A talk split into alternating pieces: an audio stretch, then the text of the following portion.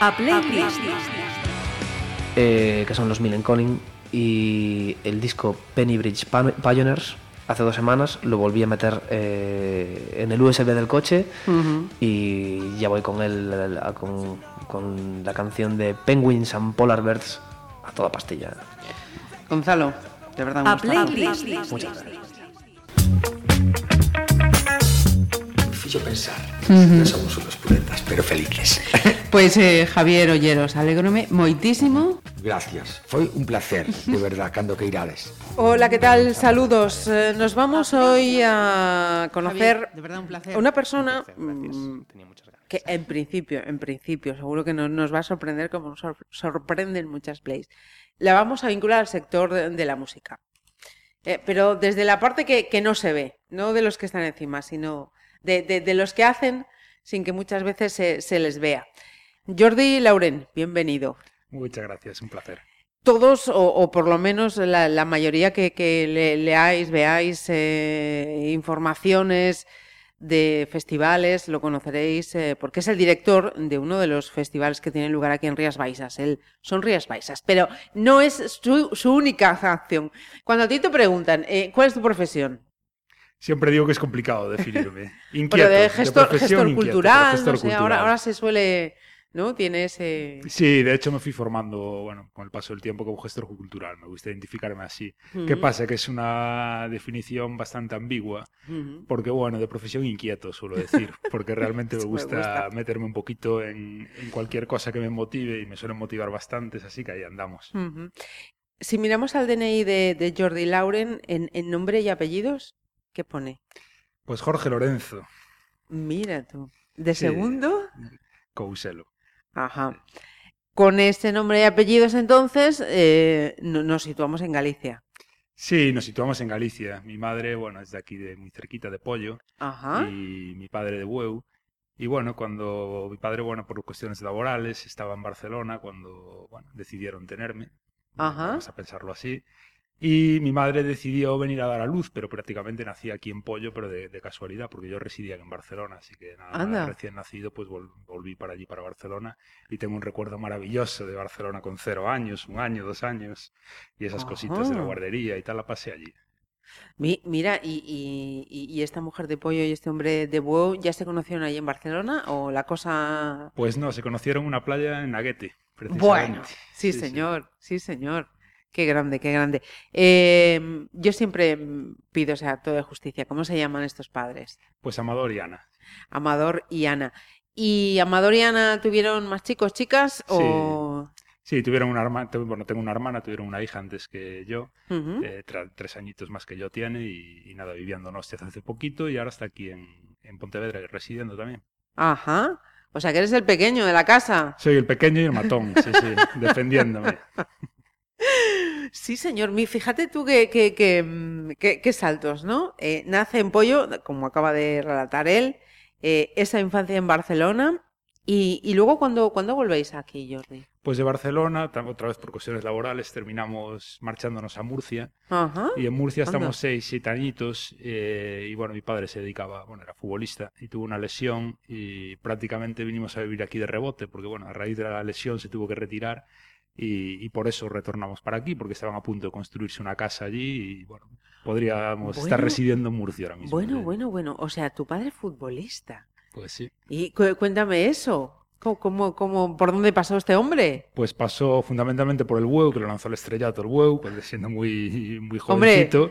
y luego el Profeta en su tierra, sí, señor. Sí, y luego el Pontevedra. Y en el Pontevedra, pues bueno, a nivel ya profesional dio el salto a Madrid, pasó por el Hércules, por Barcelona y por Murcia.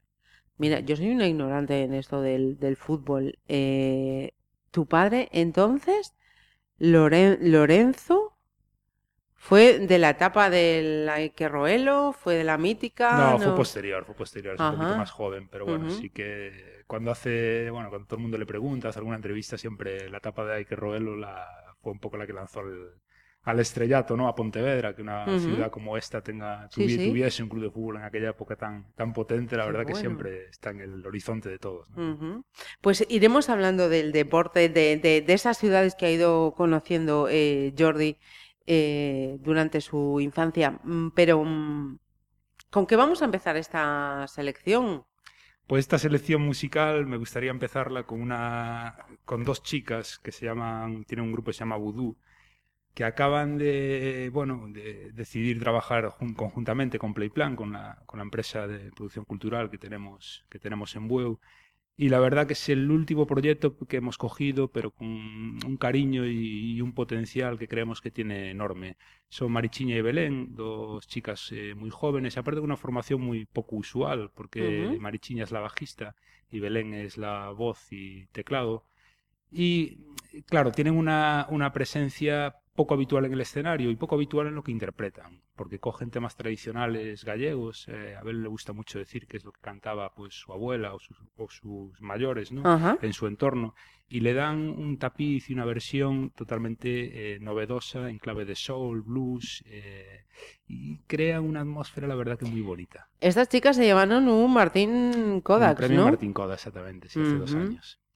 Eh, ¿Con qué tema nos vamos a ir concretamente, Jordi? Pues con el último que acaban de presentar como premier del disco que van a presentar estos días en el Culturgal y después en Coruña, en el, día, el día 16 en Coruña lo presentarán el disco entero y que se llama Corazón.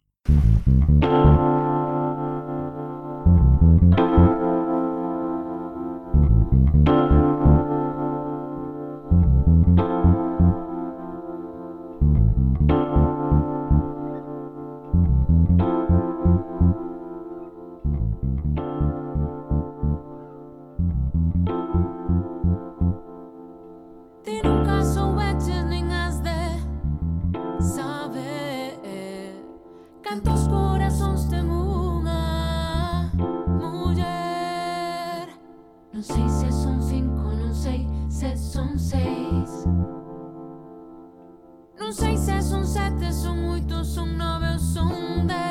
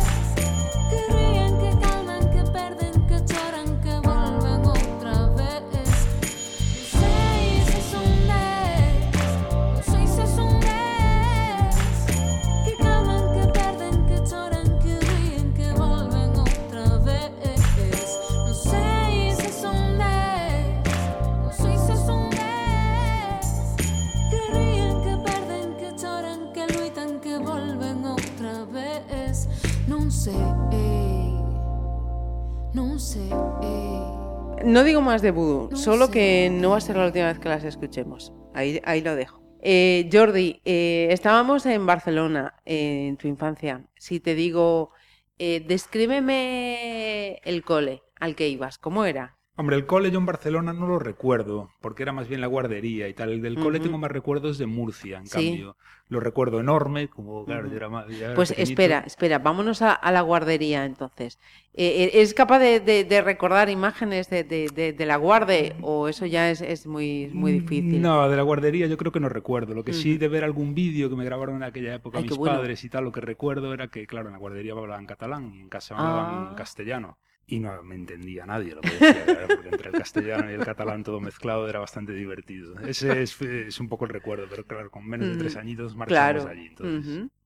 Vale, o sea que con menos de tres años eh, te marchas ah, para Murcia y, y- y en Murcia, eh, esa, ¿cómo, es para un niño tan, tan pequeño?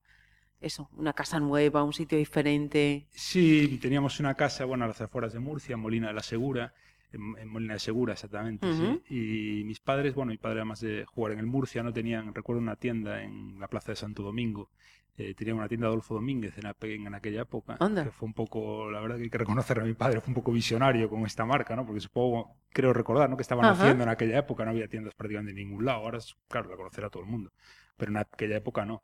Y, Sí, sí. y tengo un recuerdo incluso de la gente que trabajaba allí con él en la tienda y de jugar, de comprar la ensaimada allí cerquita de la tienda y ese tipo de recuerdos, la verdad, muy- con mucho cariño se recuerdan.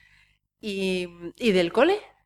Del cole tengo recuerdo eso, que era enorme, estaba también, bueno, a las afueras, no estaba en el centro de la ciudad, y, y tenía un patio y un campo de fútbol, como no, en aquella época, de tierra, bien de tierra, de buenas piedras, y que ahora también... Como eh, tenía que ser. Como tenía que ser, sí, la verdad que ahora vas bajo, yo también soy padre y bajo con la niña a veces a jugar a, pues, al parque o cualquier lado, y te das cuenta que, que, que ahora mismo están tan sobreprotegidos que yo echo un poquito de menos aquellas pequeñas batallas de patio.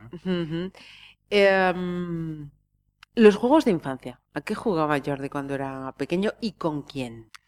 Fundamentalmente a la pelota. Pero bueno, teníamos suerte que en nuestra casa había un jardín bastante grande, o por lo menos así yo lo recuerdo. Ajá. Y, y en el jardín, pues nada, con la bici, los balones, con las lanzas, pero sobre todo fuera de casa, ¿no? Que es lo contrario que ahora. Hay mucha juego Mm. interior y, y Mm. antes era lo contrario. Con poca actividad. Con poca actividad. Y, y en ese, en esos juegos estaba tu hermana, tu hermana iba por, por, por otros lides, por otras cosas. No, con mi hermana siempre tuve muy buena, muy buena relación, jugábamos juntos, sí, sí. Y había mucha vida con la, con, la gente que vivía a nuestro alrededor, claro, con el resto de los niños del barrio. ¿no? Ajá. Porque- La música de, de, de aquellos años, ¿quién, quién la ponía? Hombre, la música en aquellos años, nosotros la verdad que recuerdo, por ejemplo, muchos viajes en el coche que veníamos desde Murcia a Galicia en aquella época, era como viajar ahora mismo. Bueno. No sé, ya no me lo quiero ni imaginar. Eran verdaderos maratones de coche. Eh, lo recuerdo más que con música, curiosamente. Mi padre, lógicamente, siempre ponía mucho fútbol en, La radio. en la radio y todas las noticias deportivas y demás. Tengo más ese recuerdo que musical. Pero bueno, con mi madre siempre trataba de, de darnos esta educación en- con clásicos musicales. Recuerdo Jethro Tull, recuerdo los Beatles, eh, los Rolling quizás un poquito menos, pero algún, algún goteo también había de ese estilo. Eh, rock fundamentalmente americano, que era lo que ya bueno, pues bueno, había escuchado en su infancia, ¿no? Que mi madre sí que tiene un gusto musical. Mira, cuéntame eso, por favor. No, no es habitual que me cuente, es que mi madre no nos ponía todo, todas estas cosas. ¿Y de dónde le venía? Sí, pues no sé la verdad de dónde le venía, pero sí que supongo que vivía una época en la que adquirir o consumir música extranjera era relativamente complicado, Claro. ¿no? Porque ahora es muy, muy sencillo. Pero en aquella época ya sí, bueno, tenía esa curiosidad, tanto por aprender inglés, que, que, bueno, no mucha gente de su generación aprendió inglés, más bien francés, mucha, mucha Ujú. gente. Pues ella se empeñó en aprender inglés y supongo que por ahí también tiene cierta lógica que escuchara música de, sobre todo Claro. estadounidense. Qué bueno, qué bueno. O sea, que, que lo- y los discos, eh, los vinilos, ¿los recuerdas? El... Un buen lote de vinilos con guardamos, aún guardamos con Sí, mucho señor. cariño. Sí, sí, sí. Sí, señor, qué grande. Eh, vamos a hacer otra, otra parada, Jordi. ¿Qué vamos a escuchar ahora? Pues ahora me gustaría pasar por Barcelona, ya que lo nombramos antes, y con un grupo que es La Pegatina, que también tengo un vínculo con Galicia, porque Rubén, uno de los líderes del grupo, eh, estuvo, bueno, tiene, tiene familia en Orense, y además que han pasado por los Rías Baixas, por el festival, en, en varias ocasiones, y, es un grupo que guardamos con muchísimo cariño en nuestro corazón, porque mucho lo recordamos con ellos. La primera vez que tocaron fuera de Cataluña fue aquí en Galicia con nosotros. Y, y claro, verlos ahora moviendo a miles y miles de personas y un efecto, bueno, pues fan, eh, ahora están vendiendo el WeThink en Madrid, que están a punto de llenarlo, es decir, a foros de 10.000 personas, que era inimaginable en aquella época que pudiesen llegar, bueno, ya ni a eso, ni a muchísimo menos que a eso. Y ahora lo guardamos con muchísimo cariño. Pues la pegatina, un tema que además colaboran con, con Rosalén, que se titula Algo está pasando, que es un poco el reflejo de, de esa relación eh, multicultural que creo que tiene que haber tanto en la vida como en la música. ¿no? Eh, Rosalén en principio es un artista que no pega en el estilo de la pegatina eh, así directamente, pero cuando los juntas y crean juntos, pues la verdad que suceden cosas maravillosas ¿no? y se ven que sí que es posible.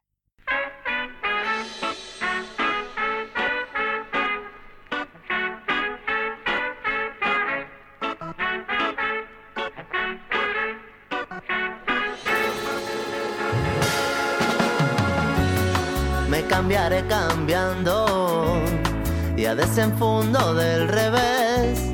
Solo hace falta ser sorpresa para ti mismo también. Concédeme este braille, renuévate y recuérdate, y que tu ego no te agarre por los pies. Algo está pasando en mi interior y no sé que yo se va que yo queda.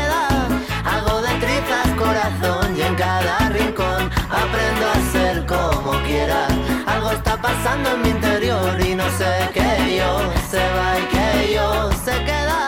Hago de trizas corazón y en cada rincón aprendo a ser como quiera.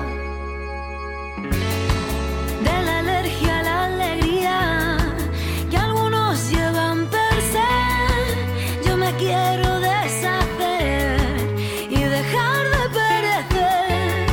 La vida se me intuye al otro lado de la ley, donde todo será fácil como ayer. Algo está pasando en mi interior y no sé que yo se va y que yo se queda. Hago de trizas corazón y en cada rincón Aprendo a ser como quiera. Algo está pasando en mi interior y no sé que yo se va y que yo se queda. Ser como quiera. Quiero saber, quiero saber qué está pasando.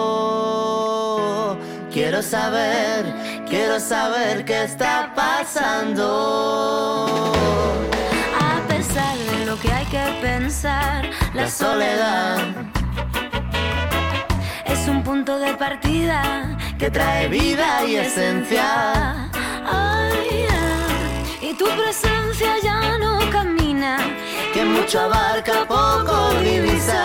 El ante todo, ante todo, de cualquier modo se tiene que hundir.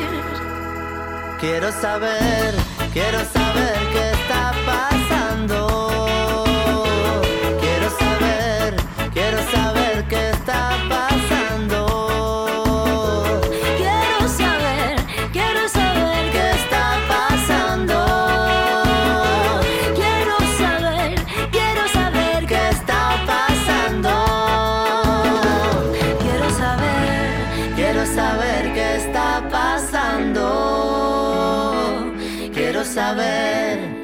saber qué está pasando.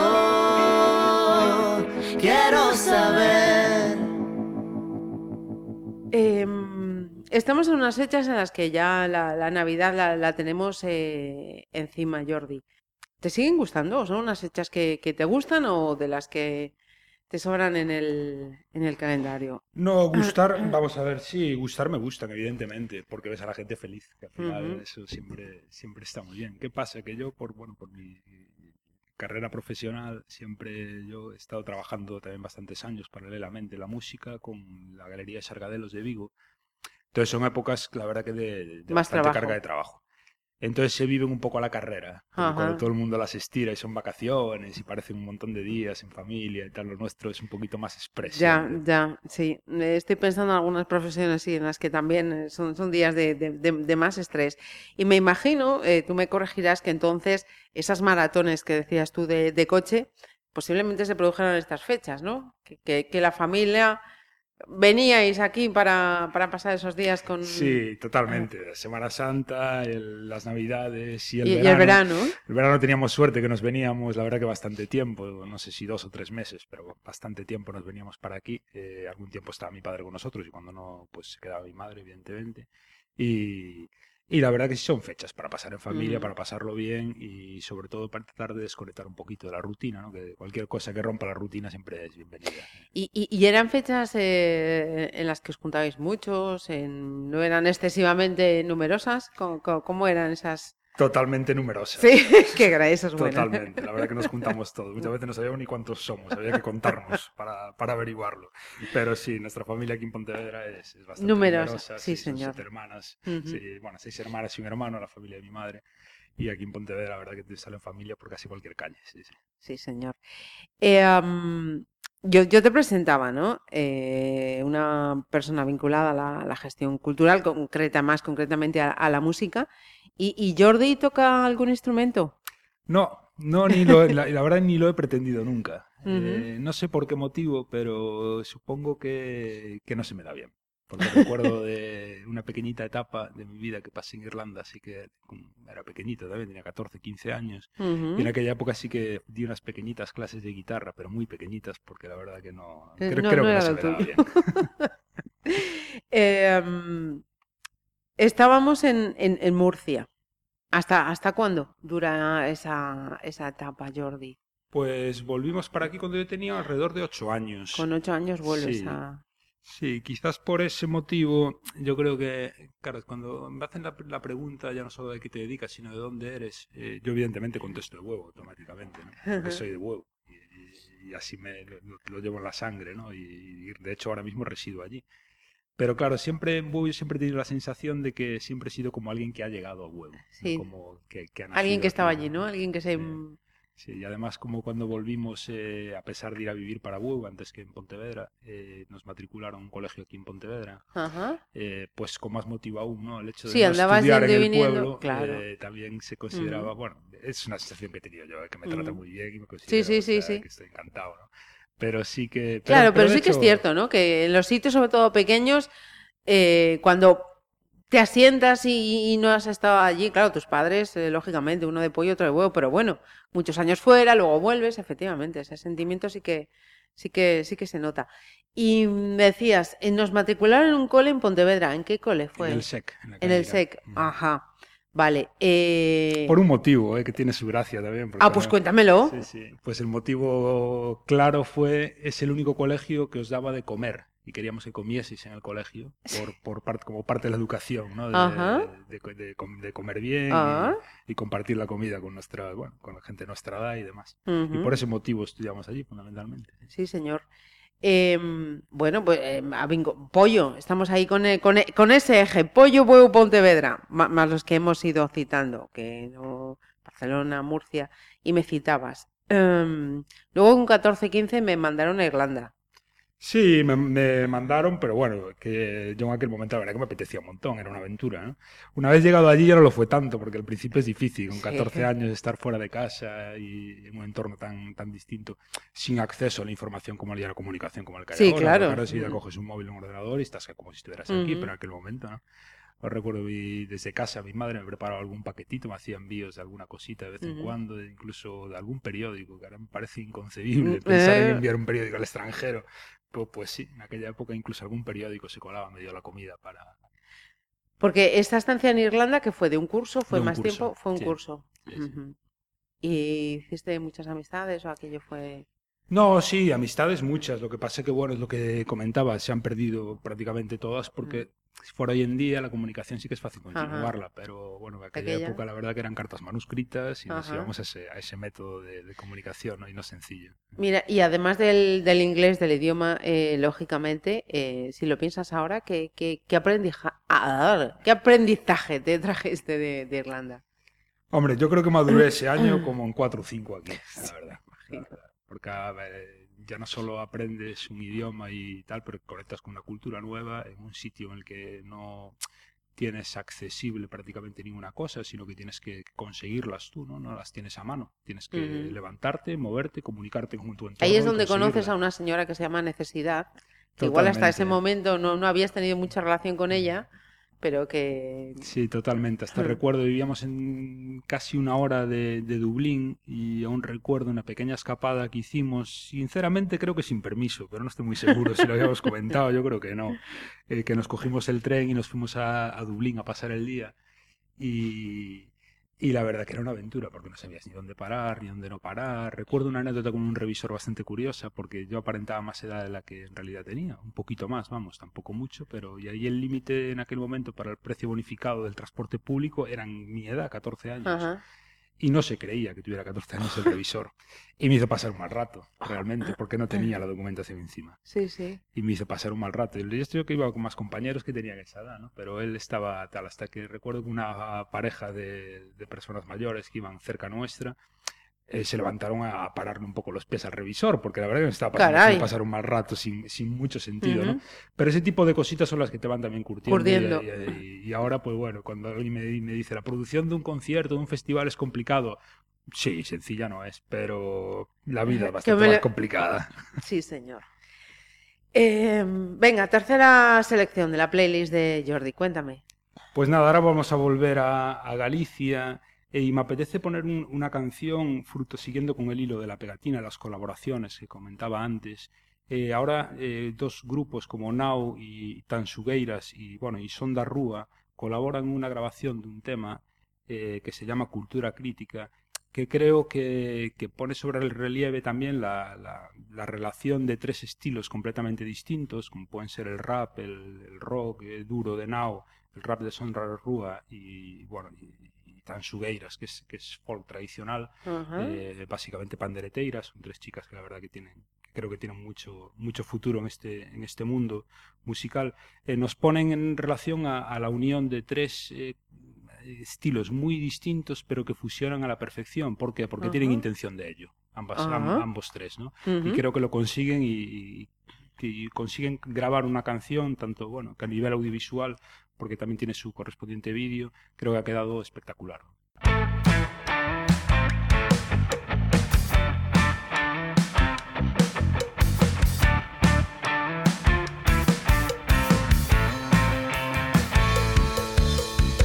Unha cultura da crítica ridícula Unha cultura da envesa máis sumisa Lacaios progres sendo fariseos. Na súa miseria, paletismo e postureo. Trátanos como tratan as aldeas. O cachedos de fora non os regateas Rimas incendiarias, non pirómanas Toma xa leis autoritarias, sociedade autómata. Cultura de base, deixa carrase, wow Castelo rimando nunha base. Sube isto a tope que vas ver. Son da rúa rimando co Hasper Buscábamos beira viñeron hasta en xugueiras Cada un conta según vai a feira. E o que nos conta o goberno xancheira Hoxe danzamos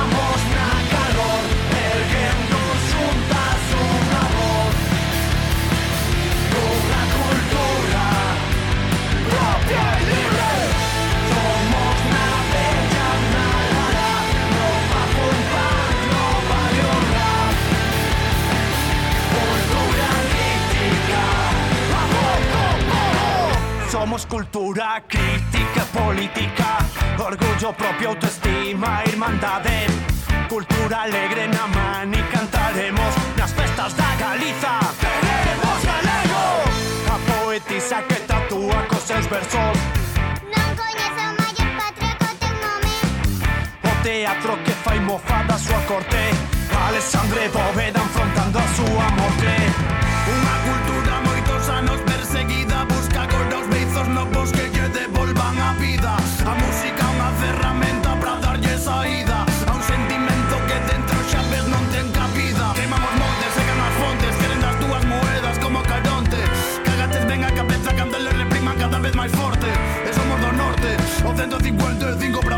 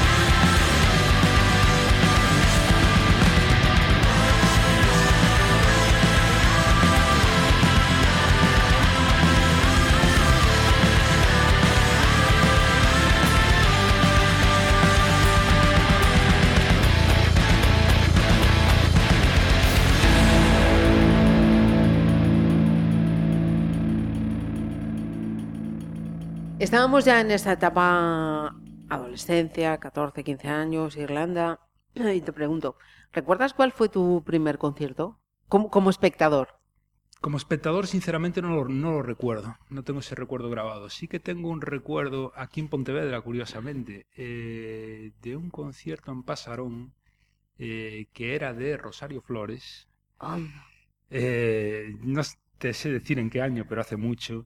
Que sí que creo que fue el, el que me el que recuerdo más nítidamente por el tamaño. Porque Ajá. evidentemente Pasarón, un campo Sí. de fútbol, un montaje grande y demás. Sí que lo tengo grabado en la retina. Seguramente asistí antes a más conciertos pequeños, en locales, eso segurísimo. Seguramente que en la Toulouse probablemente fuera fuese el primero, Ajá. pues, seguramente. Pero la verdad que no lo recuerdo el primero. ¿eh? Pero este Rosario Flores lo tengo grabado no por el estilo, porque realmente ahora mismo no se me ocurre escuchar a Rosario Flores. Sí. Pero sí como montaje de gran formato y como algo que se te queda grabado, sí que, sí que lo recuerdo. sí. Grandes conciertos que ha cogido Pasarón, ¿eh?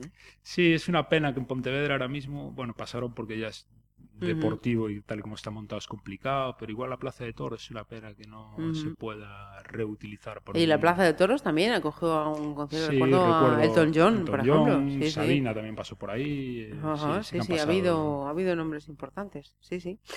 Eh, después de, de esa etapa eh, Irlanda, eh, haces Boop, Go... Sí, hago Book Pasa.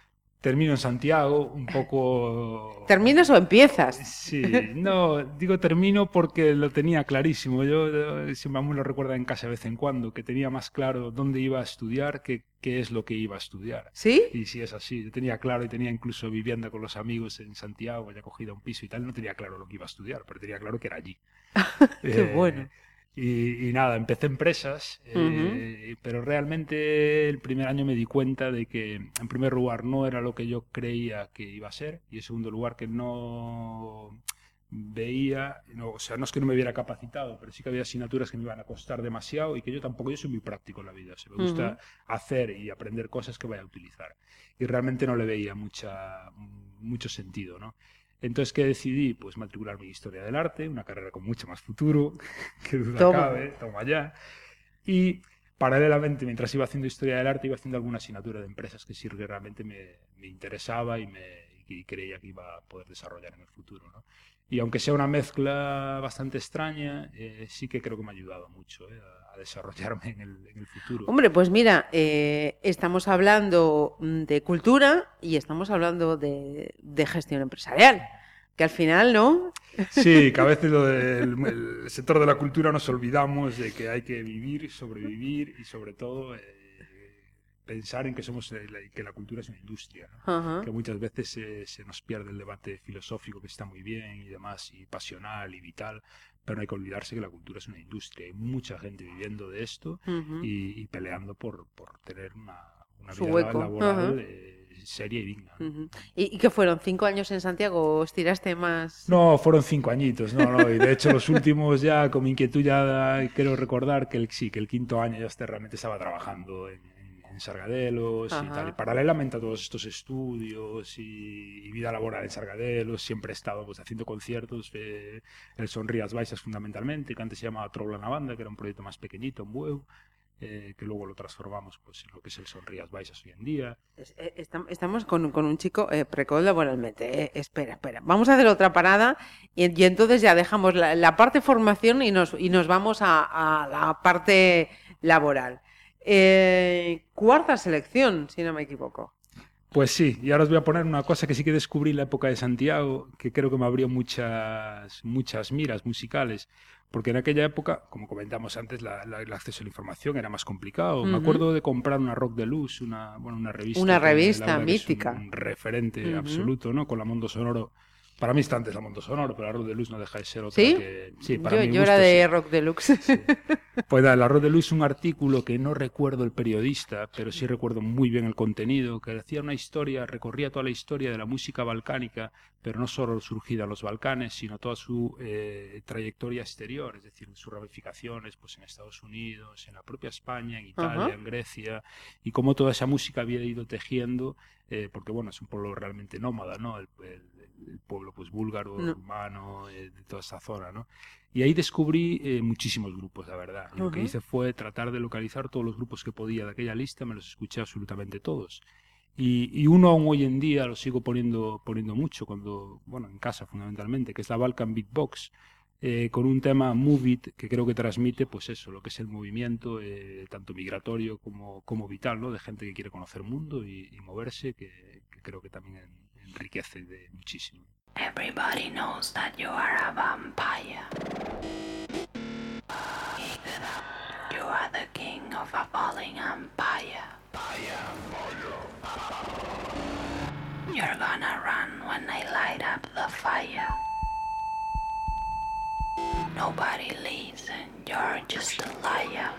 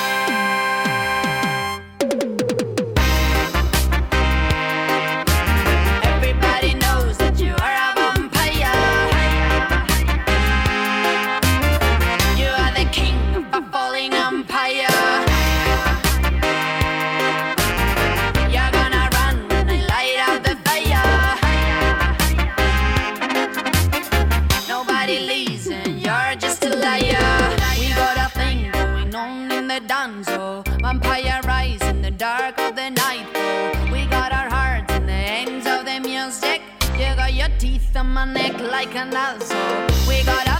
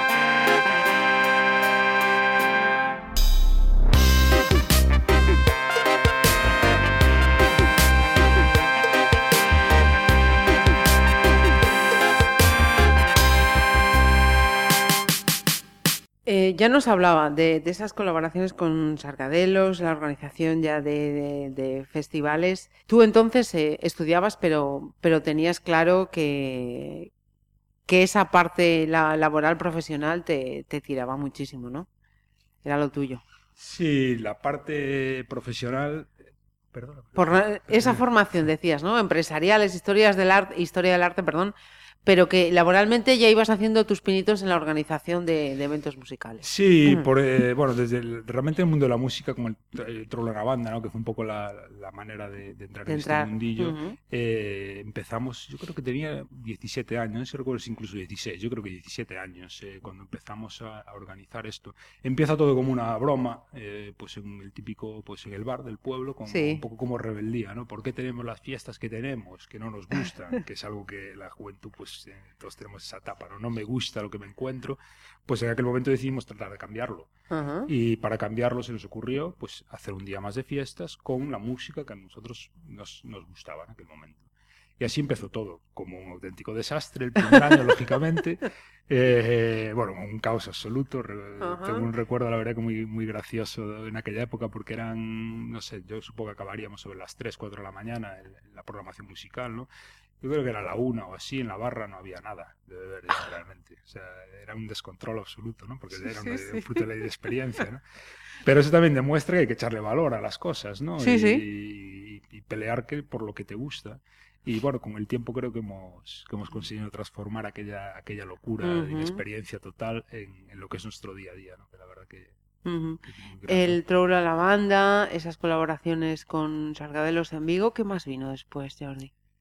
Eh, pues después vino, claro, yo cuando me vi poco a poco, pues organizando alguna gira de grupos ya, tanto en Galicia como alguna fuera de Galicia, me vi pues que el festival también veía que podía, o más que que podía, no, que quería llevarlo a otra, a otra dimensión, a otra etapa, ¿no? Eh, a, a que el proyecto creciera, cogiera más, más dimensión y demás, eh, decidí formarme otra vez y me fui a Barcelona a hacer, retorné a Barcelona a hacer un, un máster en gestión cultural. Eh, un poco locura, porque bueno, en aquel momento yo estaba trabajando de la parte musical en Sargadelos, con lo cual fue un ir y venir constante de Barcelona a- al aeropuerto de Vigo normalmente. Mm, Eh, es decir, hice, tuve la suerte de hacer un máster de algo sobre lo, yo- lo que yo ya había trabajado, estaba trabajando en mi día a día, con lo cual creo que la formación la aproveché al 150%, sin, lugar a dudas, porque llevaba a la práctica eh, en, en la- en las clases, en el día a día de las clases, realmente su, mi vivencia de, de mi otro De lo- día a día profesional. Y la verdad que, que av- avancé muchísimo y se me abrieron muchísimas puertas y muchísimas miras en, apenas 10 meses que duró aquella formación. La verdad que fue una oportunidad grandísima poder hacer aquel, aquel máster. ¿En ese momento es cuando llega Playplan o es posterior? Mm, Playplan fue llegando muy poquito a poco realmente. Yo tampoco tengo una, fecha marcada sobre, sobre el proyecto. En Playplan lo que recogemos es un poco la, trayectoria de varias personas eh, que llevamos tiempo, un poco lideradas por mí, pero bueno, lider- liderar es una palabra que, que, bueno, que para ciertos momentos está bien, pero para otros no, no creo que explique la situación real, ¿no? Porque yo creo que Playplan lo que nos rodeamos, un- o sea, nos juntamos un grupo de gente que aunque con caminos distintos habíamos tenido una, una trayectoria relativamente similar y aquí en Galicia eh, echábamos en falta, eh, o seguimos echando en falta a día de hoy todavía, eh, empresas eh, que, que trabajen en este sector. No es fácil, por eso no las hay, porque no es nada fácil realmente, porque sobrevivir en el día a día, en el mes a mes, eh, vivir- o sea, con este tipo de proyectos es, muy complicado, pero posible es. Entonces lo que nos juntamos ahora mismo somos tres personas en la empresa, que tenemos un recorrido, bueno, tres personas de oficina. Sí. siempre nos rodea un, Sí. equipo bastante, bastante mayor. Ajá. Pero sobre todo tres, empresas, tres personas que nos hemos juntado, estamos compartiendo, compartiendo escritorio ahí todos los días y nos damos cuenta que hemos llegado a esto no de una manera de decir, bueno, a partir de hoy vamos a hacer una empresa, vamos a- a ser emprendedores de... Ujú. No, nosotros hemos sido emprendedores desde Desde el minuto desde el cero. minuto cero. Ujú. Cuando surge la marca, la marca tiene, surge alrededor hace dos años, dos años y medio. Pero realmente surge, eh, yo lo digo un poco por insistencia de, de la- de- de nuestro entorno, no de nosotros mismos porque nosotros estamos no cómodos, pero sí con, con- con cierta tranquilidad haciendo nuestros proyectos, eh, trabajando periódicamente en ese sector, eh, cada vez más, era más largo ese periodo, pero no estamos todo el año trabajando en Ujú. este sector, ¿no? Pero nos dimos cuenta de que cada vez más, t- pues un montón de empresas, administraciones públicas nos demandaban pues un montón de servicios porque no encontraban quien se los diese, básicamente, o porque confiaban en nosotros porque demostramos que con proyectos propios se podían hacer las cosas de una manera pues eh, segura, de una manera con, con sentido, este, con estrategias bien pensadas y demás. Y fue un poco el camino contrario, fue la- la- la- las empresas y la administración pública la que nos demandó eh, y la que nos exigió, yo creo, que diéramos el paso. Ujú. Porque llegó un momento que para adquirir ciertos roles y ciertos eh, clientes realmente o- o te Necesitabas esa estableces de verdad Ujú. o, o no es, o no es viable eh, cogerlos. ¿no? Y fue un poco ese camino el que hicimos. ¿no?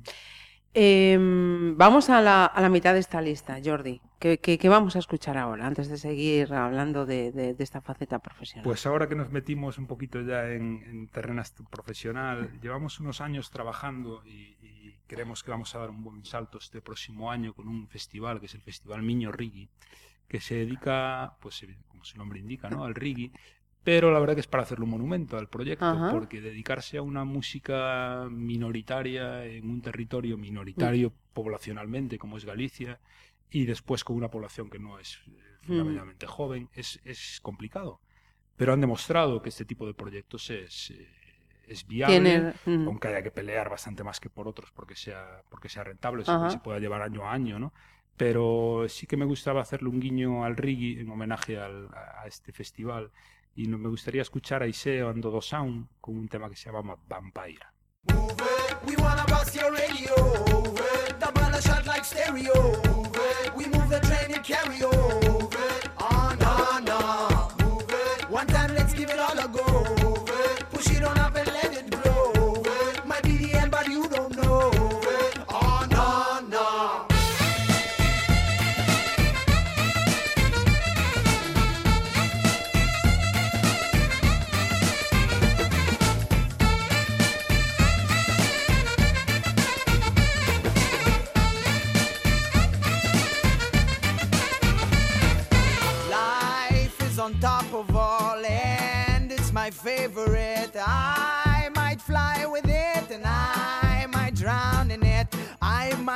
look aside of it, but I can't ignore it. Don't be the ignorant who turns his back on it. And now we win the race, and now you show your face. If you can find your place, then we can show you how to send it to outer space.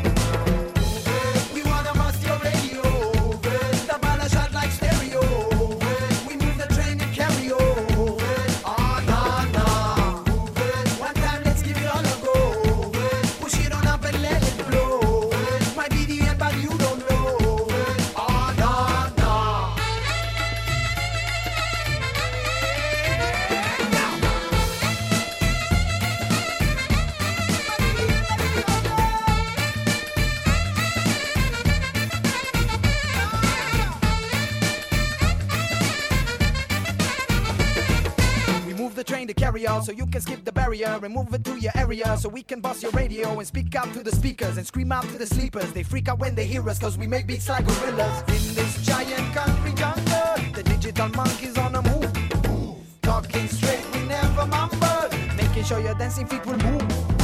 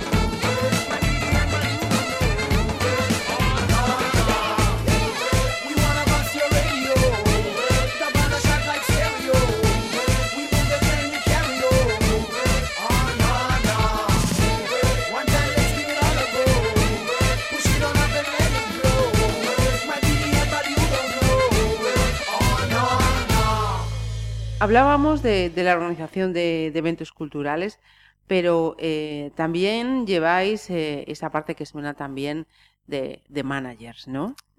Sí, la verdad que el- el- la figura del manager es, es una gran desconocida ¿no? para, para la gente del, bueno, que, que en el día a día nadie habla de un manager realmente. y, y sí que es una figura que llama la atención a la gente, pero en realidad no sabe nada, nada de su labor. ¿no? Eh, ¿Qué es un manager? Eh, en primer lugar, es una figura mm, que tiene una responsabilidad mm, bastante mayor de la que se le presupone. De ahí que hasta hace muy poquito eh, no nos hayamos decidido a trabajar esta, esta vía. Esta ¿no? parte. Ujú. Porque que un artista eh, que su día a día eh, y su vida realmente Te la confíe.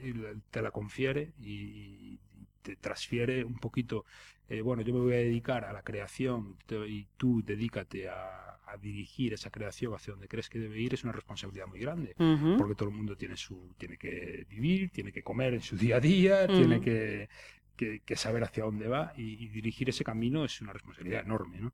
Eh, con Voodoo lo estamos empezando a hacer ahora y a corto plazo presentaremos alguna novedad con algún grupo, con algún grupo que vamos a empezar a trabajar en ese día a día, ¿no? ya no Ujú. tanto un concierto puntual, sino en el día a día.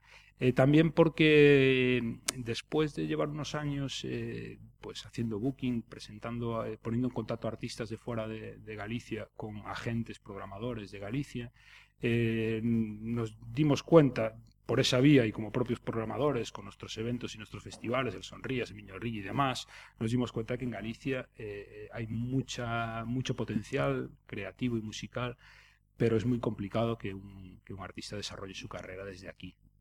Es tremendamente complicado.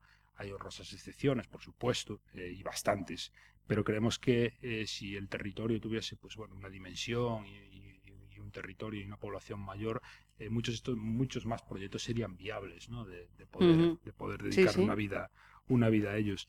Y un poco como con esa responsabilidad de decir, eh, vamos a intentar llevar la carrera de alguien, barra, Galicia se merece que consigamos sacar algún proyecto de estos eh, eh, que, que creemos que se lo merecen adelante.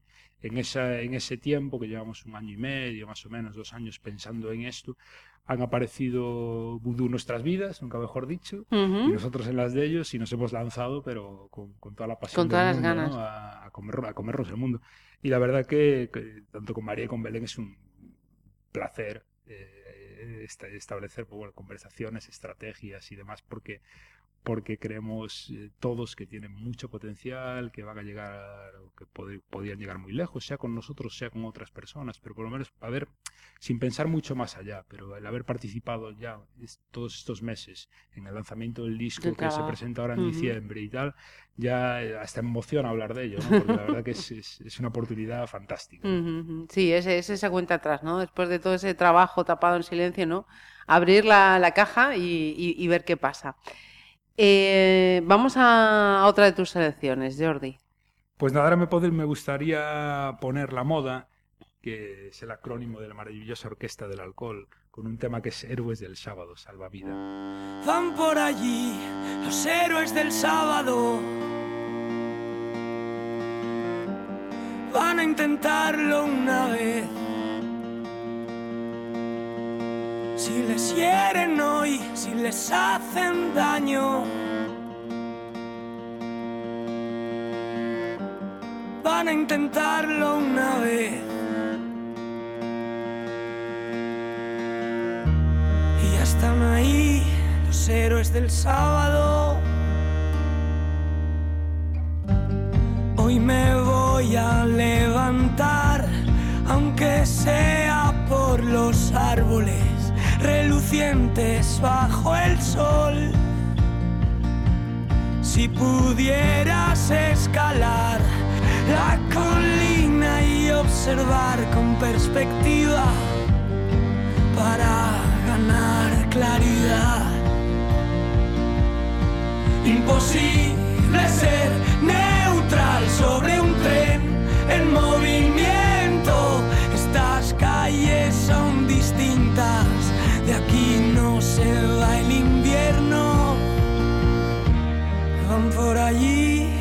héroes del sábado. ¿Dónde están los que pueden parar el mundo solo con mirar? El niño crecerá y entenderá lo que su padre ignora.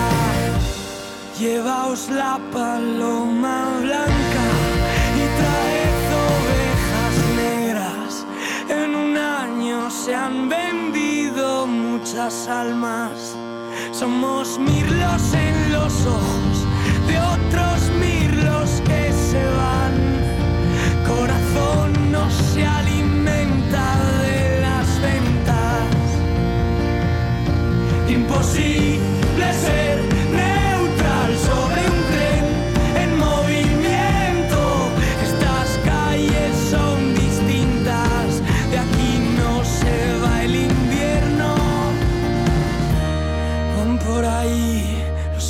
del sábado.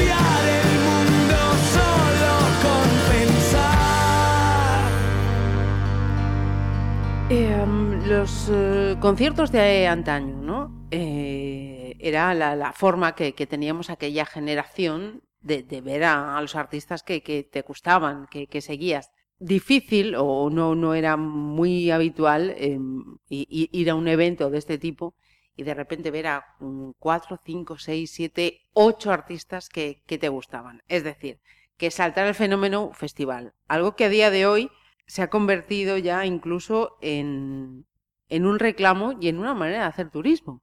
Sí, sí, ya no solo de hacer turismo, que también, lógicamente. El turismo es una palabra que ahora en cualquier mesa en la que se hable de festivales eh, tarda tres minutos en salir, si no sale en el primero ya. Eh, ya no solo eso, sino que se ha convertido en una forma eh, de socializar.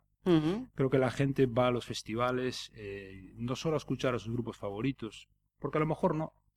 Eh, hemos cada vez hay más gente que va sola a los festivales o que va con un grupo de dos, tres, cuatro personas y terminan de allí, eh, salen de allí dos o tres días después del festival con 8, 10, 15 amigos. Entonces es un poquito, eh, yo lo que creo es que busca la gente eso. Por eso se habla tanto de experiencia. Cuando se habla de festival, yo creo que si ahora tuviésemos que bautizar a, a un formato de esto de 5 o 10 artistas durante un día, un espacio con tantas actividades, con gastronomía, con actividades paralelas, con espacios de relax y demás, ya no le llamaríamos festival, sino le llamaríamos experiencia. ¿no?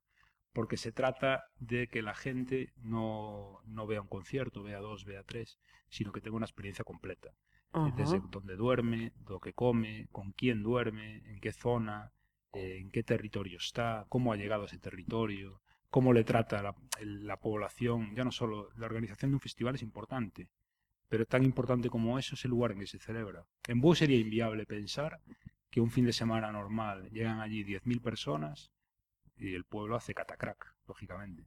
Para reunir a toda esa gente durante dos, tres días hay que preparar el pueblo y es un esfuerzo de todos. Sí, sí. Pero de todos ya no solo de los políticos, de la policía, de- de- pues del centro de salud y demás. Es un, es un esfuerzo de todos los vecinos, somos conscientes de ello. ¿no? Desde Sonría somos plenamente conscientes de que sin el ya no solo el Concello, por supuesto, y demás instituciones, sino que sin el apoyo del, del vecindario, propio vecino del que- de- del sí, que sí. vive allí, sería inviable pensar en eso. Mucha gente que abre sus casas, que alquila su- la habitación de su, de su casa para que alguien duerma, o que le abre la casa simplemente a alguien para que se duche Sí, sí. que anécdotas de esas hay un montón de ellas. Y la verdad que, es, eh, que, que eso hace, hace que ya no solo sean bien acogida a la gente durante esos días, sino que provoca un efecto rebote, ¿no? Cuando alguien está a gusto en un sitio, lo normal es que o que vuelva o que le recomiende a alguien volver.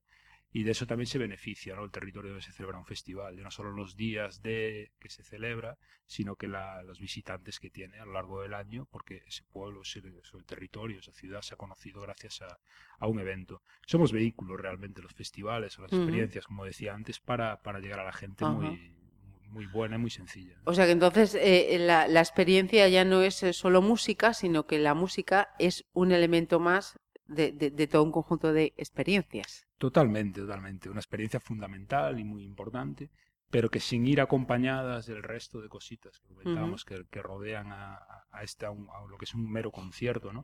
Pues no, no, esta- no estaríamos hablando de, de los festivales. Yo creo que los festivales han, han dado con un montón de claves y las han puesto encima de la, del, pues del mismo lugar y, y han sido capaces de que, de que todo fluya con naturalidad, eh, lo que a priori sería algo tremendamente complejo y que daría incluso hasta, hasta cierto miedo, pavor, ¿no?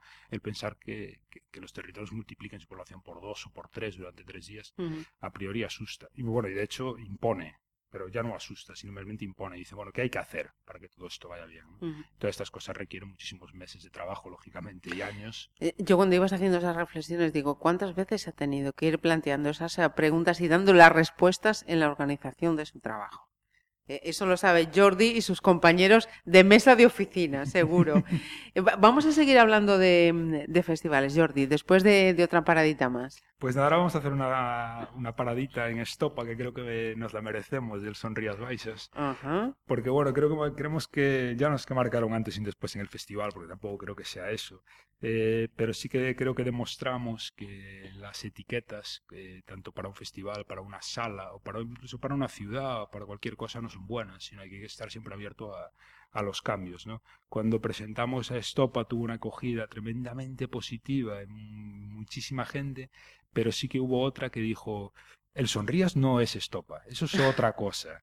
Y, y yo creo que están equivocados, porque hay que tener la, la mente La- abierta es. y, y- y sobre todo viniendo desde Barcelona, ellos que voy a decir yo otra vez, se me, se me cierra un poquito el círculo, ¿no?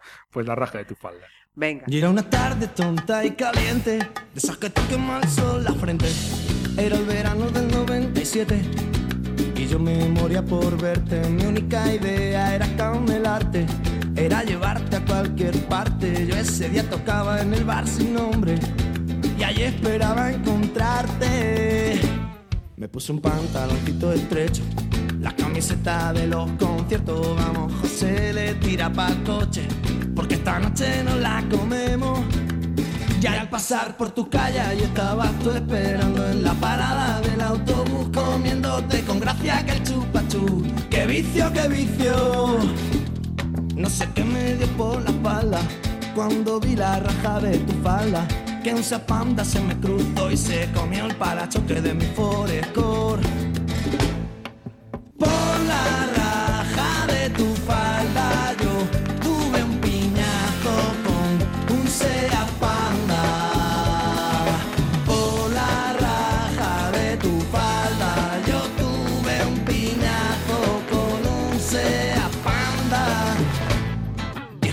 10.40 por meridiano. Llegamos tarde para no variar y el tío del garito está mosqueado. Porque aún no hay nada montado. Y la gente entra que te entra. Y yo enchufa que te enchufa. Mi hermano prueba que te prueba. Y esto se escucha o no se escucha. El calor de la gente anda del ambiente. Los focos delumbrantes son muy potentes. El público delante, muy expectante. Caliente, caliente.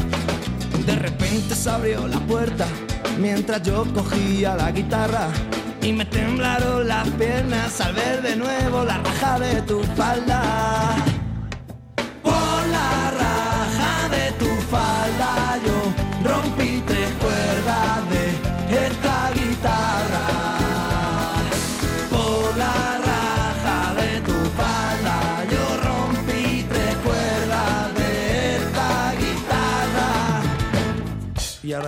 Pasado el tiempo, parece que fuera ayer.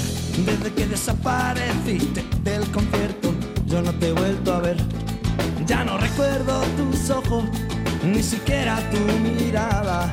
Tan solo pueda acordarme de la raja de tu falda. Por la raja de tu falda yo me he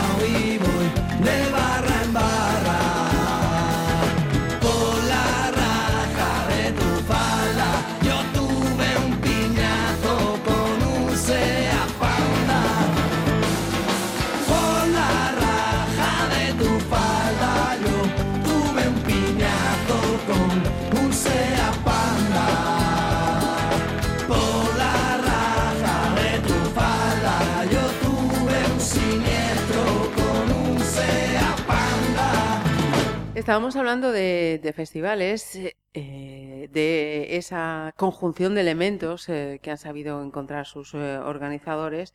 Y, mm, y preparando esta charla yo pensaba, mm, bueno, entonces, eh, ¿qué, pasa? ¿Qué falla? Eh, quizá decía yo si es por, por un exceso de, ambición cuando te encuentras en situaciones como, mm, e igual me dices, mira, yo no hablo mal de mm, los compañeros, mm, sin problema ninguno, pero em, estaba pensando en el Mad Cool, ¿no? ¿Qué, pasó ahí? Eh, ¿Exceso de ambición? ¿No se tuvieron en cuenta todos esos elementos, por ejemplo, que, que tú comentabas antes? No, eh, realmente sobre el accidente del Mad Cool, supongo que te refieres, ¿no?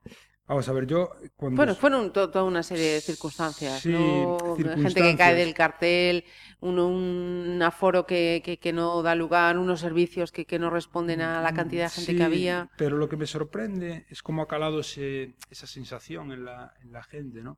Pero cuando sucedió eso, un tiempo después, eh, poquito tiempo después, viendo la reacción también tanto de bueno, los medios de comunicación, de los telediarios, de las redes sociales, que fue un des- auténtico despropósito. Pero bueno, ya eso no se valora, porque al final las redes sociales tampoco están para lo que están. Tampoco te puedes fiar de, de la opinión de cualquier pseudo experto que aparece ahí, que parece que todo el mundo es abogado y todo el mundo se Sí, lo sabe sí. todo, ¿no? Pero realmente eh, para mí fue un ejemplo, eh, tanto en la previa, en la, la preproducción, como la propia producción del evento, como la Ajá. gestión de una crisis, de cómo se deben hacer las cosas, Ajá. sinceramente. Eh, tengo una opinión toda contraria a la que tiene prácticamente todo el mundo. ¿no? Para mí se hicieron, mejor no se podía haber hecho. Eh, un accidente eh, se puede tener en cualquier momento y cualquier trabajador puede Sí. tener un accidente y no se incumplió y demostrado ha quedado ¿no? que no se ha Mm. incumplido ninguna normativa. Es más, creo que es de los pocos eventos, eh, un evento montado efímero, montado en un espacio en el que no hay nada, construir un evento en un espacio vacío, en una Ajá. explanada, no es nada sencillo. Cumplir todas las normativas de seguridad no es nada sencillo. Y peor aún, gestionar eh, una evacuación que se le criticó mucho en aquel momento por no evacuar el recinto. Eh, la decisión de, de- de evacuar un recinto, y además tan numeroso como aquel, no hay que recordar que había 40.000 personas en aquel momento allí. Evacuar a 40.000 personas puede resultar mucho más peligroso que no evacuarlas. Ujú. Y realmente creo, con perspectiva y con la información que tengo, eh, cuidado que es una opinión, si tampoco eh, te- tener eh, eh, toda la información y tal, pero me da la sensación de que yo hubiese hecho lo mismo y o- ojalá hubiese hecho lo mismo, espero no encontrarme en una situación similar, pero Sí, ojalá sí. hubiese reaccionado igual, porque creo que se reaccionó con frialdad, como hay que hacerlo, y, y que dieron un ejemplo a, a todo el mundo. Ajá. Que sí que, que le ha pasado a uno de los que mejor hacen las cosas, pues sí, curiosamente sí. Pero tenemos un- otro ejemplo aquí cerquita, que es el Marisquiño. El marisquiño, sí. El Marisquiño probablemente sea de las promotoras eh, que mejor trabaja en Galicia y además que tiene uno de los eventos más complejos de producir, porque es un, es un festival eh, con multitud de espacios, multitud de pruebas tanto deportivas, musicales al final, que es donde suceden accidentes, no deja de ser un poco una anécdota, ¿no? Que Ujú. funciona de una manera paralela y teóricamente es lo que más controlado está, ¿no? Pero sucede, su- sucede, porque los accidentes suceden. Sí, ¿Por sí, qué? Evidentemente alguna. hay que analizar el por qué, ¿no? Y, y el accidente marisquiño no tiene absolutamente nada que ver con el Mad Cool, que es, es un trabajador X en un momento X en el que sucede. En el marisquiño hay otros condicionantes que habrá que, bueno, están analizando, me consta. ¿no? Y hay una investigación parlamentaria que se va a ver lo que, lo, lo que sucedió ahí, ya se verá. Pero yo conociendo al marisquiño por dentro eh, y a la gente y a, y a todos los, bueno, los trabajadores que están ahí, desarrollan todo, todo ese, ese montaje, eh, los pondría de ejemplo, ¿no? Y los sí voy a seguir poniendo de ejemplo de buen hacer a pesar de que les haya sucedido un accidente. Hay que trabajar porque sí. no suceda, pero tampoco hay que dramatizar y volvernos locos. Los accidentes suceden. Lo que hay es que minimizarlos al máximo y a poder ser extinguirlos. Pero hay que ser conscientes de que extinguirlos no se van a extinguir nunca. Ajá. Hay que minimizarlos. Y sobre todo saber reaccionar. ¿no? El marisquiño, y tanto Marisquiño como Mad Cool, eh, yo los nombro muchas veces, bueno, con- sobre todo eh, en charlas así con, con gente que está empezando en el mundillo, ¿no? en algún curso, así, Ajá. de que para mí son dos ejemplos de cómo hacer las cosas. Eh, y la, la respuesta a ellos automática es sí, pero a ellos les pasa y a otros no. Bueno, llámalo, no sé cómo llamarlo, llámalo karma, llámalo mala de- suerte o llámalo como quieras. Pero por suerte les ha sucedido a dos personas, a dos, a dos Entidades, profesionales sí. que han sido capaces de reaccionar. De reaccionar de una manera eh, Sí. rápida, eficiente y, y resolutiva. Ajá. Después ya la responsabilidad ya veremos, veremos, pero por lo menos saber reaccionar. Ajá. Y no hacer el típico plan de seguridad que al final hace todo el mundo, a veces lo, lo convierte en un mero, un mero documento que se hace para que te den el permiso. No, ese documento no es para que te den un permiso para hacer algo. Ese Ujú. documento es para aplicar si sucede algo. Sí, Eso es sí. lo que hay que pensar, ¿no? El documento, por supuesto, que tienen que existir Ujú. y tener las cosas bien pensadas, ¿no? Como Hombre, tienen que ser. Yo le iba a preguntar a Jordi, mm, ¿qué festivales así mm, piensas que te podrían gustar meterte en la idea de organizar? Bueno, pues uno de ellos ya veo que el Mad Cool seguro. Sí, pues mira, no, en Mad Cool sí, pero no, pero no especialmente, ¿eh? Porque Mad Cool ya tiene un tamaño que yo creo que ya no resulta cómodo, porque la estructura es demasiado grande, para mi gusto, ¿eh? Sí. Estoy acostumbrado a equipos humanos más pequeños y más, y, y más manejables. ¿eh?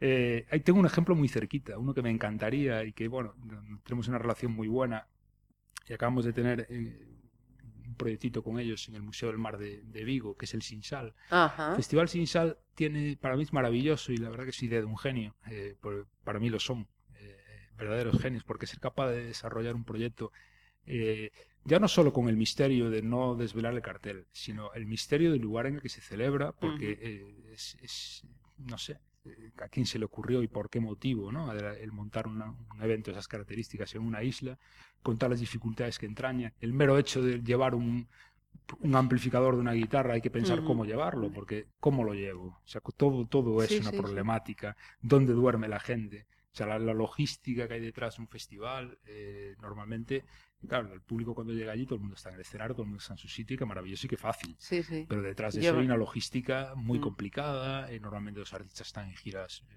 mundiales, europeas o nacionales o donde sea, o gallegas, pero al fin y al cabo están en gira. Ajá. Tienes que enlazar con otros conciertos, con otros vuelos, eh, con otros horarios eh, y demás. Es, es un tema realmente complejo, ¿no? Y preparar toda una logística detrás de un escenario, pues el, el backstage, que al final el backstage, eh, no sé, siento decirle esto, decir esto en público, pero, pero no es la fiesta que todo el mundo El se imagina que- y, Sí, y el sí. descontrol, el sexo, droga, ro- droga, rock and roll, nada que ver, absolutamente nada que ver. Va bien todo lo contrario, es un lugar de, de- de curro, de trabajo y de Ujú. estar atento y, y de ver de que nada, de que nada falla, ¿no? Y Ujú. por ahí pasan tanta gente que realmente que incluso a veces dirigir el tráfico, ¿no? Un backstage, es decir, para aquí, para allá, pam, pam, todo el mundo, toda la escaleta muy bien organizadita para que todo vaya, Vaya como, como- tiene que ir. Y en, y en el Sinsal que decía antes, eso tiene que, ser, tiene que ser, no, me consta que es maravilloso, porque Julio y Luis nos lo, nos lo cuentan con, con pasión, ¿no? De cómo Ajá. montan todo eso y, y tienen verdaderos quebraderos de cabeza, ¿no? Por ver cómo, cómo encajan todas las piecitas en un entorno tan pequeñito, con cuatro o cinco escenarios aún por encima, eh, pequeñitos y muy dimensionados, muy integrados con la, con la isla, pero, pero de una manera que yo creo que es, eh, la verdad que invito a todo el mundo a ir allí porque es, eh, es para verlo, vamos, el. Sinsal. Em, el Sinsal para verlo y ahora qué nos recomiendas para escuchar, Jordi. Pues ahora vamos a hacer un pequeño guiño a, a mi hija, que últimamente me pone música ella a mí, no al contrario. Ajá. Y que es un grupo que me, bueno, ya conocía, pero que me está redescubriendo ella, que es Imagine Dragons, con un tema que se llama Thunder. Just a young gun with a quick fuse. I was uptight, wanna let loose. I was dreaming of bigger things and wanna leave my old life behind. Not a yes sir, not a follower. Fit the box, fit the mold, have a seat in the foyer. A number. I was lighting for thunder. Thunder, thunder,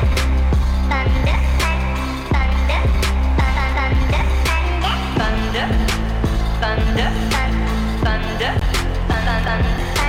Thunder, the thunder. I mean the thunder. Thunder, feel the thunder. Lightning and the thunder. Thunder, thunder. Thunder.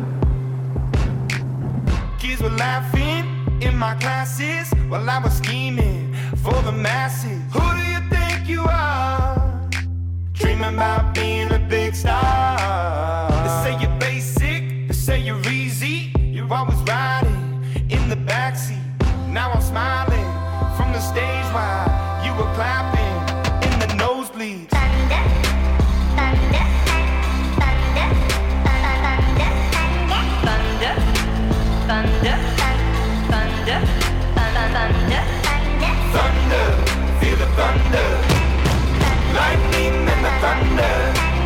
Thunder, feel the thunder.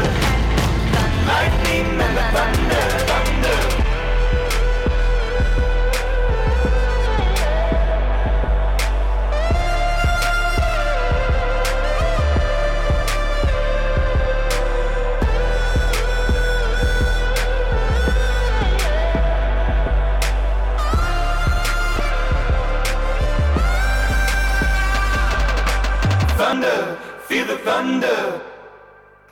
Lightning and the thunder. Thunder, thunder, feel the thunder. Lightning and the thunder. Thunder, thunder, feel the thunder.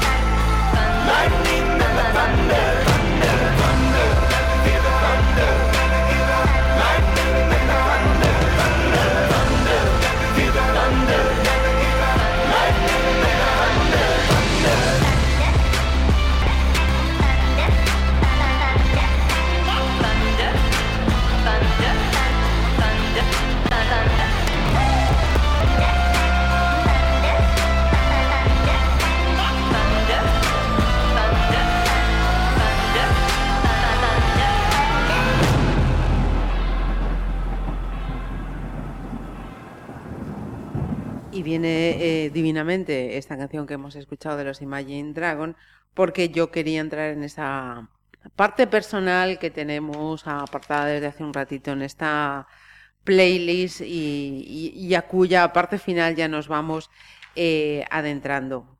Eh, has hablado de, tu hija. Te puedo preguntar, yo, yo siempre pido permiso en estas cosas. Eh, te puedo preguntar eh, por el estado civil y estado sentimental. Estado civil, eh, soltero y contento. no, estado civil. Eh, no, estoy, yo te- soy padre, pero bueno, vivo, vivo solo con mi hija de vez en cuando y, y muy feliz y, la verdad que muy contento de, cómo- de cómo estoy. ¿no? Esa criatura, ¿cómo, ¿cómo se llama y cuántos años tiene? Pues tiene siete años, se llama Celia. Bueno, Una pequeña revolución. siete años y se llama Celia, me Celia, dice. sí. Celia. Y Celia con siete años escucha los Imagine Dragons.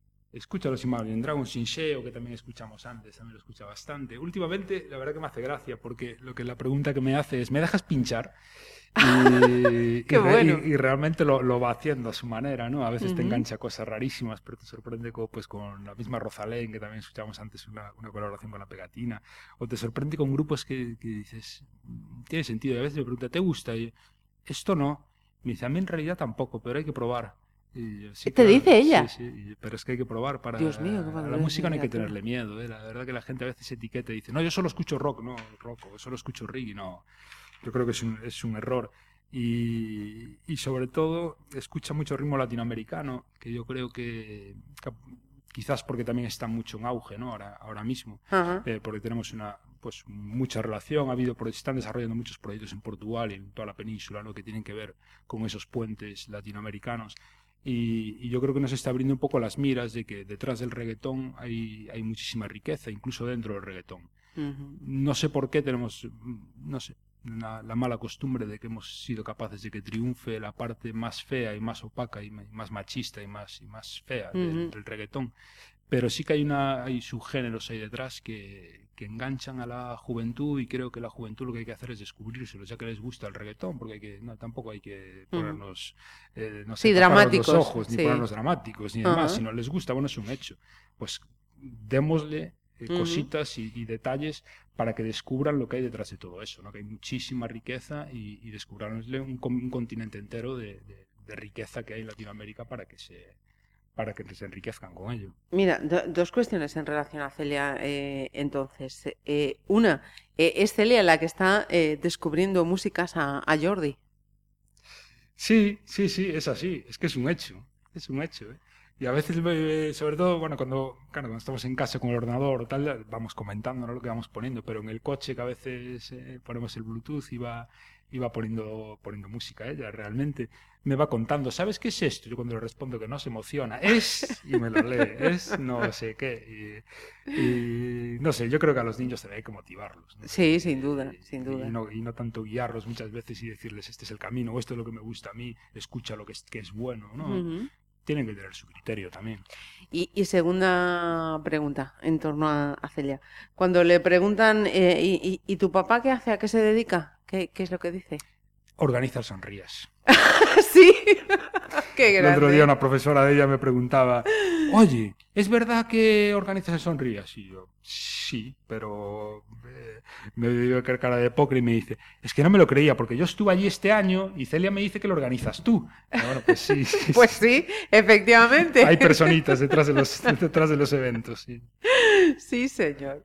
Venga, vamos a hacer otra, otra parada musical, Jordi. Pues me apetece presentaros a un grupo que a mí, bueno, como a mi hija me gusta descubriros cosas, que es SID, se escribe con tres S, curiosamente, S, tres S y D, con su tema Beautiful, que, bueno, vienen desde Alemania y la verdad que Ajá. son dignos de, de conocer.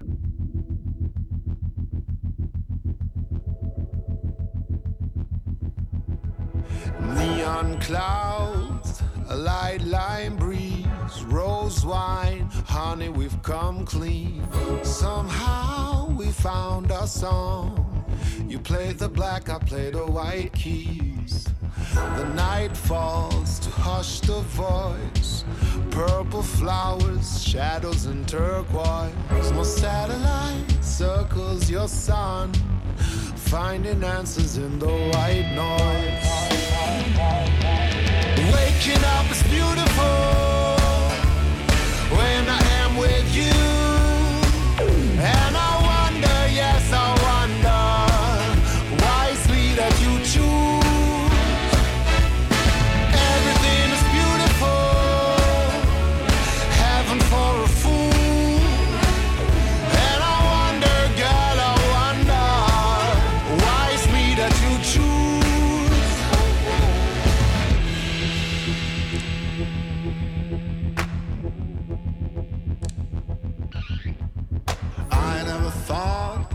Be like this in the palm of your hand, happily speechless. You wear my shirt and just a devil's smile, bringing Mars closer to Venus.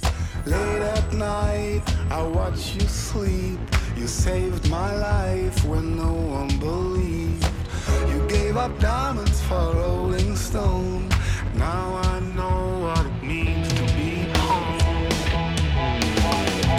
Waking up is beautiful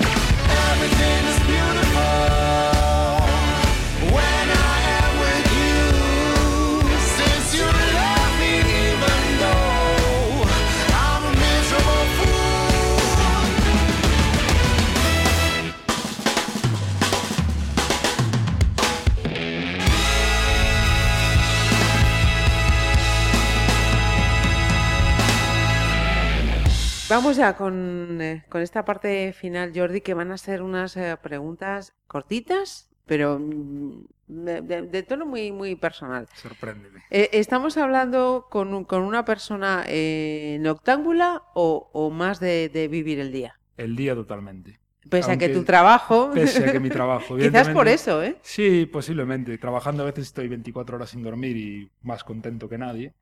Pero mi día a día, diurno total. Ajá. ¿Cuántas horas le dedicas eh, más o menos de media al trabajo? Es relativo, pero menos de 8 nunca. Menos de 8 nunca. Y a veces 12, 14, 10. eh, O 24, como acabas de decir. ¿Algún lugar pendiente de visitar? Muchos. Yo creo que todos. Todos los que no conozco. Yo creo que visitar y conocer y, y viajar creo que es fundamental en la vida. Eh, hay un anuncio ahora eh, de un producto, además de aquí gallego, eh, mm, cuyo lema es que tenemos que vernos más, ¿no? Ha- ¿Hay muchas personas a las que aplicaría esa máxima, Jordi? De tenemos que vernos más, totalmente, sí, sí. Y de hecho, eh, incluso ya no en nuestra vida personal, sino en el trabajo. eh, ahora hace poquito veníamos del BIME, de una feria en Bilbao, una feria de industria musical. Y, y la verdad que es una pasada ver cómo te recibe la gente con la que hablabas por teléfono, de- te intercambias mails y tal. Y dices, es que tenemos. Ahora cara, te veo. Ahora te veo, ahora sí vamos a trabajar juntos, que ya nos conocemos. Ajá. Em, ¿confiado o desconfiado? Demasiado confiado, Eh, ¿optimista? mucho. Diría que demasiado también, pero creo que no. hay que ser optimista. Ajá. Y la última pregunta. eh, ¿muchos deseos por conquistar todavía o no? No, sí, forma parte de la, de la motivación de cada uno. Deseos hay que tener y, y luchar por lo que uno quiere. Sí. ¿Y con qué vamos a cerrar esta play? Pues vamos a cerrarlo hablando de descubrir música de las nuevas generaciones con una colaboración que hizo Residente eh, con Nach, un rapero, bueno, Nach es un conocido rapero, eh, creo que sevillano, y Residente es el emblema, bueno, el cantante de Calle 13, que ahora tiene un proyecto solitario que, que se llama Residente, que creo que pone de relieve esa, esa capacidad de esta música de descubrirle a, a la juventud de que hay cosas que, que si pueden identificar con ellas fuera de toda esta, esta parte tan comercial y tan, tan fea del reggaetón. ¿Y, y el tema? El tema eh, se llama Rap Bruto. Pues con ese rap bruto vamos a terminar esta playlist de Jordi Lauren. Muchísimas gracias por, por abrirte a esta, a esta playlist y, y que seguro que no será la última vez que pase por estos micrófonos. Muchísimas gracias. Un verdadero placer, muchas gracias.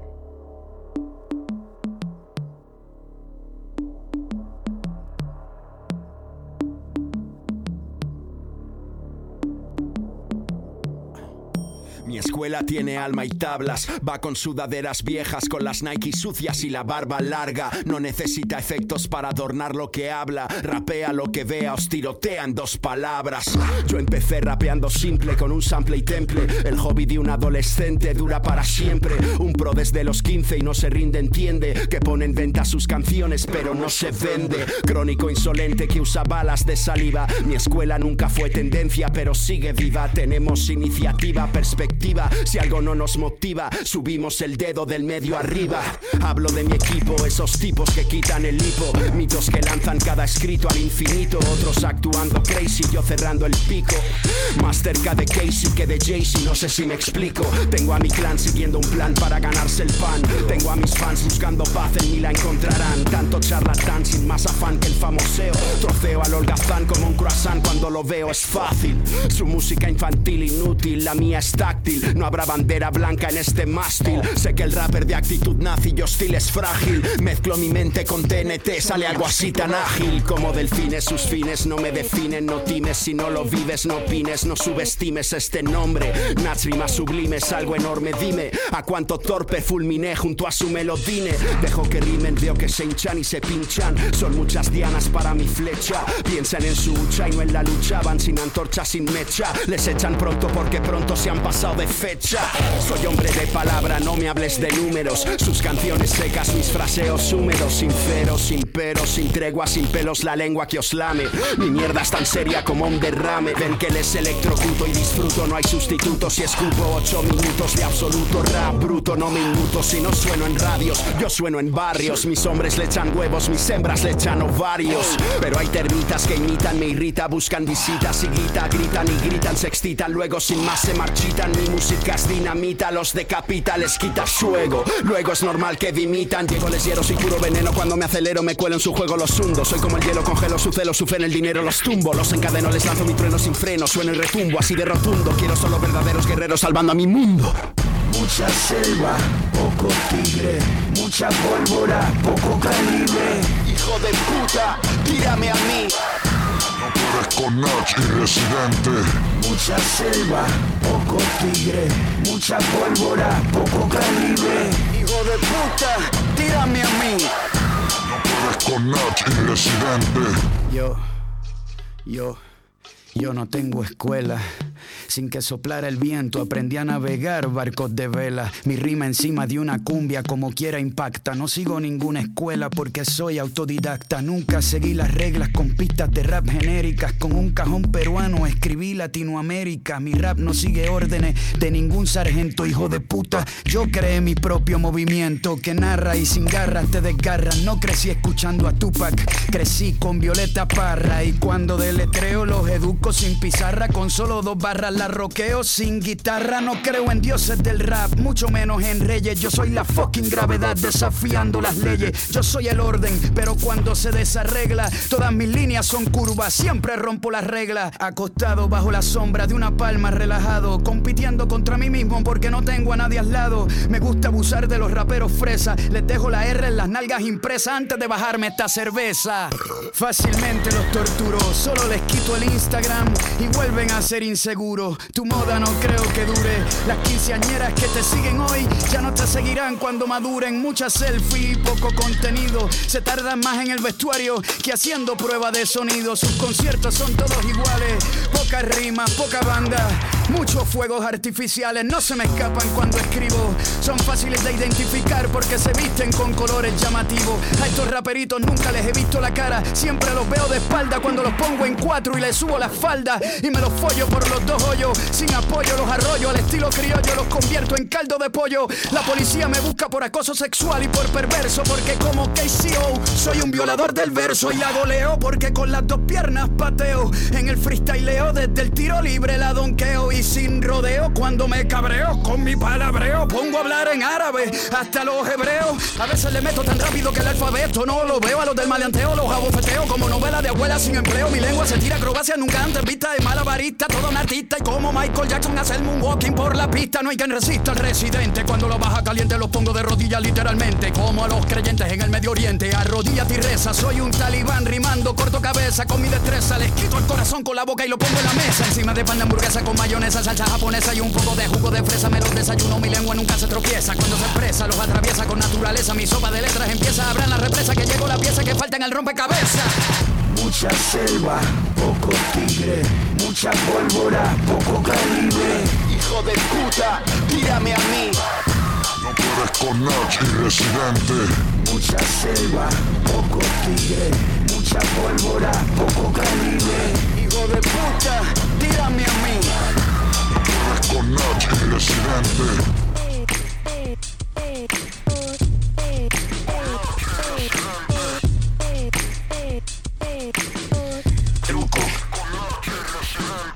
A playlist Pontevedra Viva Radio.